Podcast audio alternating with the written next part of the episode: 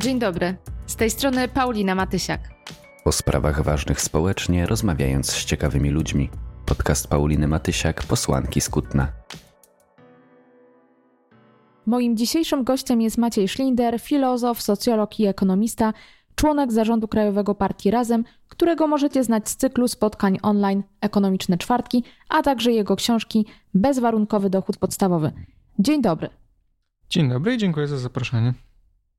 To drugie spotkanie, w którym poruszymy temat długu. Ostatnio rozmawialiśmy o konstytucyjnym limicie zadłużenia, dziś porozmawiamy o zadłużeniu naszego wschodniego sąsiada, znajdującego się w stanie wojny, czyli o zadłużeniu Ukrainy.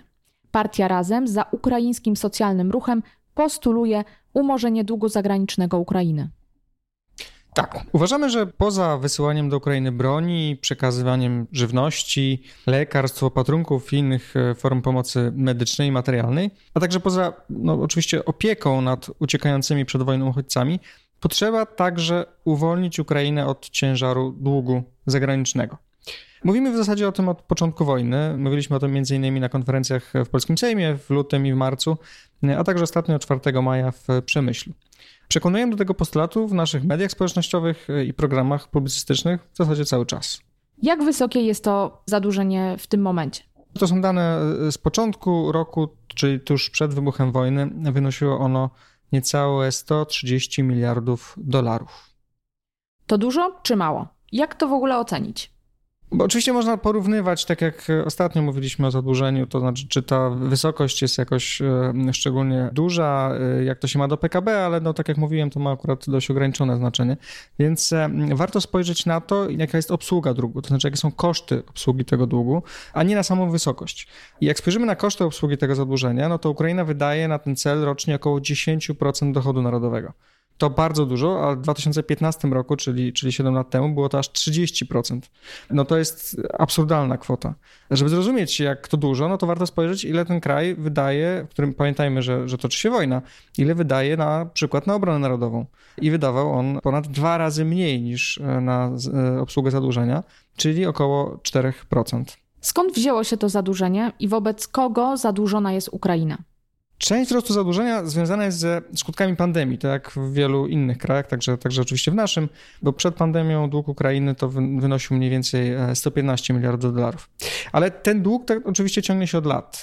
E, I pamiętajmy, to jest dość istotne, pamiętajmy o tym, że Ukraina jest w stanie wojny tak naprawdę od 2014 roku. Wojna nie zaczęła się w tym roku, ale już od właśnie 2014 mamy konflikty w różnych częściach tego kraju. Krym, Donbas, e, Ługańsk. No i taka sytuacja oczywiście nie tylko wymusza pewne dodatkowe wydatki, ale także blokuje część inwestycji, więc jest to coś, co musi się odbijać oczywiście na poziomie zadłużenia. Istotne jest to, że w 2015, czyli rok powiedzmy po tych e, pierwszych e, konfliktach, udało się odłożyć e, na kilka lat spłatną części zadłużenia, dokładnie na trzy, a nawet umorzyć jedną piątą tego zadłużenia. Ale cena za to była dość wysoka. Ukrainę zobligowano do płacenia wierzycielom 15% ze swojego wzrostu gospodarczego powyżej 3% oraz 40% z każdego punktu procentowego wzrostu powyżej 4%. No tak, dużo liczb, ale dlaczego taki mechanizm jest groźny? Chodzi o to, że każdy rozwój państwa oznaczał jednocześnie także zwiększenie obciążenia długu do spłacenia. I w ten sposób no, nie jest łatwo wydobyć się z tej trudnej sytuacji. Tak? Jest się tak trochę na pasku instytucji międzynarodowych, które ten mechanizm niejako wymyśliły i wymuszają. To taka niewola za długi na poziomie państw. I co więcej, część pożyczek, i to, to, to też warto pamiętać, tych oferowanych przez Międzynarodowy Fundusz Walutowy była powiązana z wprowadzeniem niekorzystnych zmian w polityce gospodarczej. Czyli po pierwsze prywatyzacją przedsiębiorstw państwowych i po drugie ograniczeniami w zakresie wydatków socjalnych. Ostatnio rozmawialiśmy o tym, że, że zawsze jak mówimy o długu publicznym, to warto też uwzględniać publiczny majątek, czyli tą drugą jakby stronę tego równania. No i prywatyzacja, no jeżeli oczywiście tutaj mamy do czynienia z wymuszoną prywatyzacją, no to jest właśnie zmniejszaniem tego majątku. Ten majątek, oczywiście, te przedsiębiorstwa prywatyzowane są przejmowane przez ukraińskich oligarchów, którzy tym szybciej rosną w siłę, im państwo staje się słabsze. A państwo ukraińskie nie jest niestety silne, tak? W sensie gospodarczym też jeszcze przed wojną nie można powiedzieć, że było silne. I na przykład część dochodu narodowego, którą ono dystrybuuje za pomocą i podatków, i wydatków budżetowych jest mniejsza niż w innych e, krajach e, Unii Europejskiej. No tak, ale to przecież chyba oczywiste, że Ukraina obecnie ma ważniejsze wydatki niż spłata kosztów obsługi tego zadłużenia. Trudno bowiem oczekiwać od kraju, na terenie którego toczy się wojna, kraju, który broni siebie, ale też broni Europy przed rosyjską napaścią, no, że będzie regulować swoje zobowiązania związane ze swoim zadłużeniem. No niestety nie jest to dla wszystkich oczywiste, dlatego że pokutuje pewna taka święta zasada, że długi trzeba spłacać. I to, jak bardzo ona jest absurdalna, szczególnie jeżeli właśnie rozumie się jako, jako taką zasadę bezwyjątkową, szczególnie w odniesieniu właśnie do długów zaciąganych przez państwa, widać właśnie na tym przykładzie. Z jednej strony mamy to przekonanie oczywiście, że, że to, czym powinni się zająć Ukraińcy, to po pierwsze obrona, po drugie no, utrzymanie pewnych e, struktur państwa, tak? czyli na przykład utrzymanie usług publicznych, utrzymanie wypłaty emerytur, płac w sektorze publicznym i tak dalej. No przecież ludzie nie przestają chorować, nie przestają potrzebować pieniędzy z emerytur, kiedy jest wojna.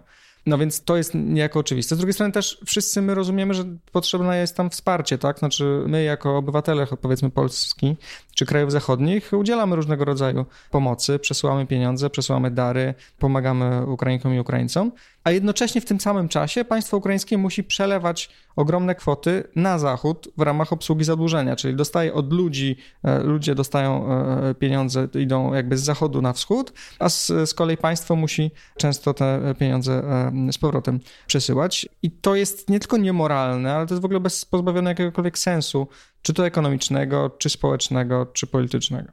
Ale y, skąd to przekonanie wśród różnych osób, że długi trzeba spłacać? Skąd pewność y, u niektórych, że długów państw nie można ruszyć, że one są nie do ruszenia?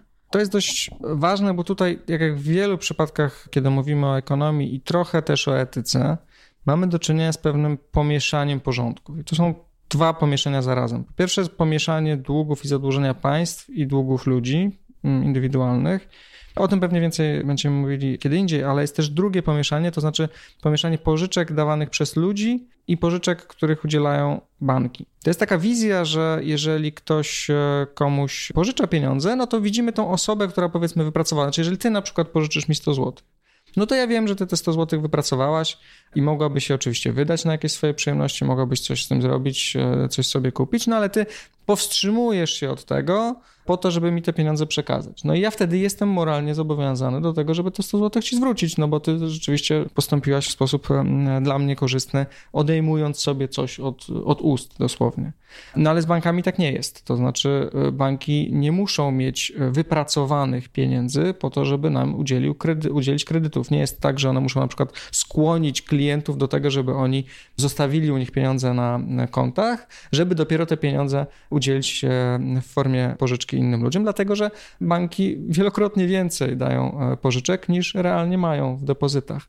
To znaczy banki, to trzeba zawsze pamiętać, nie są taką kasą oszczędnościowo-kredytową, tylko to są instytucje finansowe, które tworzą pieniądz poprzez tworzenie kredytu. W związku z tym nie ma sensu myśleć o nich w takich kategoriach moralnych, jak przy zadłużaniu się pomiędzy ludźmi. My nie mamy takiego samego moralnego zobowiązania wobec banku, bo bank wytwarza pieniądz w ramach naszego kredytu, dlatego że liczy na zysk, a nie dlatego, że wykazał się jakąś pracowitością do tej pory i jednocześnie odejmuje sobie coś, żeby nam przekazać. Więc to jest zupełnie inna sytuacja moralna, ale to pomieszanie oczywiście, to znaczy to mieszanie tego poziomu indywidualnego z poziomem powiedzmy takim makro i, i, i pomieszanie właśnie tych pożyczek międzyludzkich z pożyczką, z tym czy, czym jest bank e, oraz ukrywaniem do końca jaką rolę realnie banki e, funkcjonują, no to jest coś, co oczywiście jest na rękę całemu sektorowi finansowemu, bo może żerować na pewnym takim no, bardzo kulturowo głęboko zakorzenionym poczuciu, że długi należy spłacać. No ale powiedzmy wszystkie te teksty kultury, do których często się odwołujemy, często nasza etyka, czy do tekstów filozoficznych, czy do tekstów powiedzmy religijnych, no to one nie odwoływały się do takich instytucji jak banki, bo takich instytucji oczywiście w tej formie, czy to 300, czy 500, czy 1000 lat temu nie było i nie o tym one mówią. W związku z tym te zasady moralne zupełnie nie przystają do tej sytuacji. W związku z tym twierdzenie, że długi zawsze należy należy spłacać, po prostu nie jest, nie jest prawdziwe i szczególnie nie jest prawdziwe, kiedy mówimy o długach państw i kiedy, szczególnie nie jest prawdziwe, kiedy mówimy o, o pożyczkach dawanych przez banki. Wróćmy do Ukrainy. Co konkretnie i jak trzeba zrobić z tym zagranicznym długiem Ukrainy tu i teraz, w 2022 roku? Więc właśnie należy uznać, że tego długu nie należy spłacać, po prostu. Po pierwsze, teraz jak najszybciej trzeba podjąć decyzję o tym, że całe koszty obsługi długu są po prostu przejęte przez inną instytucję. Proponujemy, żeby to był Europejski Bank Centralny, który po prostu do momentu anulowania długu przejmuje całą tą obsługę zadłużenia. To znaczy Ukraińcy dzisiaj nie powinni już płacić żadnych absolutnie pieniędzy z tytułu własnego zadłużenia na bieżąco. Ukraina powinna zająć się tym, co uważa za najistotniejsze, czyli przetrwaniem państwowości, obroną przed Rosją, przetrwaniem instytucji państwa, instytucji publicznych, infrastruktury itd. Tak to jest to, czym każdy kraj, który jest obiektem napaści, musi się zajmować, a nie zastanawianiem się, czy przypadkiem nie powinien przelać jakichś pieniędzy bankowi w Niemczech, czy w Waszyngtonie, czy gdziekolwiek indziej. To po pierwsze, ale po drugie, naszym zdaniem należy po prostu umorzyć cały dług ukraiński. I to jest e, nie z perspektywy tego, że to teraz jest ważne, no bo teraz jest ważne, żeby oni po prostu nie płacili tych odsetek, ale to jest istotne z perspektywy myślenia o Ukrainie po zakończeniu wojny.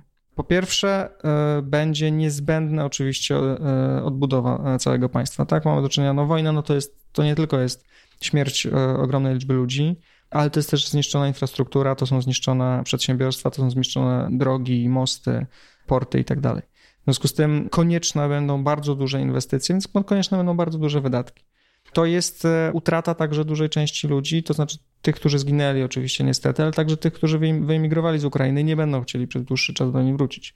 To są często też osoby wykwalifikowane, które mogłyby pracować na odbudowę tego kraju. No niestety niektórych już nie ma y, fizycznie, a niektórych też być może nie będzie, bo nie będą chcieli wrócić, po prostu bojąc się o też własną, własną przyszłość, przyszłość własnych dzieci. Dług w sytuacji odbudowy oczywiście jest ograniczeniem, to znaczy są, to są częściowo związane ręce każdego przyszłego rządu Ukrainy przed tym, żeby móc zabrać się za tą odbudowę państwowości i, i funkcjonowania kraju w jak największym stopniu. Co więcej, to jest też istotne, żeby państwo mogło dość swobodnie przekazywać jak największe kwoty właśnie na odbudowę, a nie zastanawiać się nad tym, żeby oszczędzać. To znaczy nie zastanawiać się nad tym, żeby jakkolwiek wprowadzać jakieś ograniczenia e, we własnych wydatkach z myślą właśnie o chociażby neutralności budżetowej czy czymkolwiek takim. Więc absolutnie ten dług po prostu jest, e, jest obciążeniem, z którym należy sobie dać e, spokój. I co więcej, to też jest kwestia pewnych sprawiedliwych relacji pomiędzy Ukrainą i Unią Europejską, bo te inwestycje, które są potrzebne, no to nie będą tylko inwestycje samego rządu Ukrainy. To jest jasne, to jest absolutnie oczywiste, że będą potrzebowane bardzo duże inwestycje publiczne, także inwestycje instytucji międzynarodowych, chociażby e, instytucji europejskich.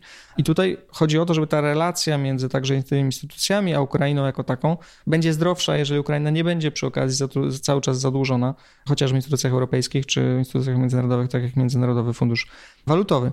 I to jest ważne, to znaczy, żeby Ukraina nie musiała się godzić na następne pożyczki, które będą znowu obarczone albo złymi mechanizmami, to znaczy takimi, które utrudniają ich rozwój, albo wręcz e, kompletnie antyspołeczną polityką związaną z cięciami wydatków socjalnych czy prywatyzacją e, sektora publicznego, no bo to jest coś, czego absolutnie nie można powtórzyć. To jest sytuacja tak jakby żerować na, no nie wiem, jak ktoś spotyka na ulicy kogoś, kto został pobity przez kogoś innego i jednocześnie na przykład e, uznaje, że pomoże, no ale tylko jak, da, jak ktoś da te spodnie, w których jest, tak? No to są takie sytuacje, które są po prostu absolutnie niemoralne i to są oczywiste.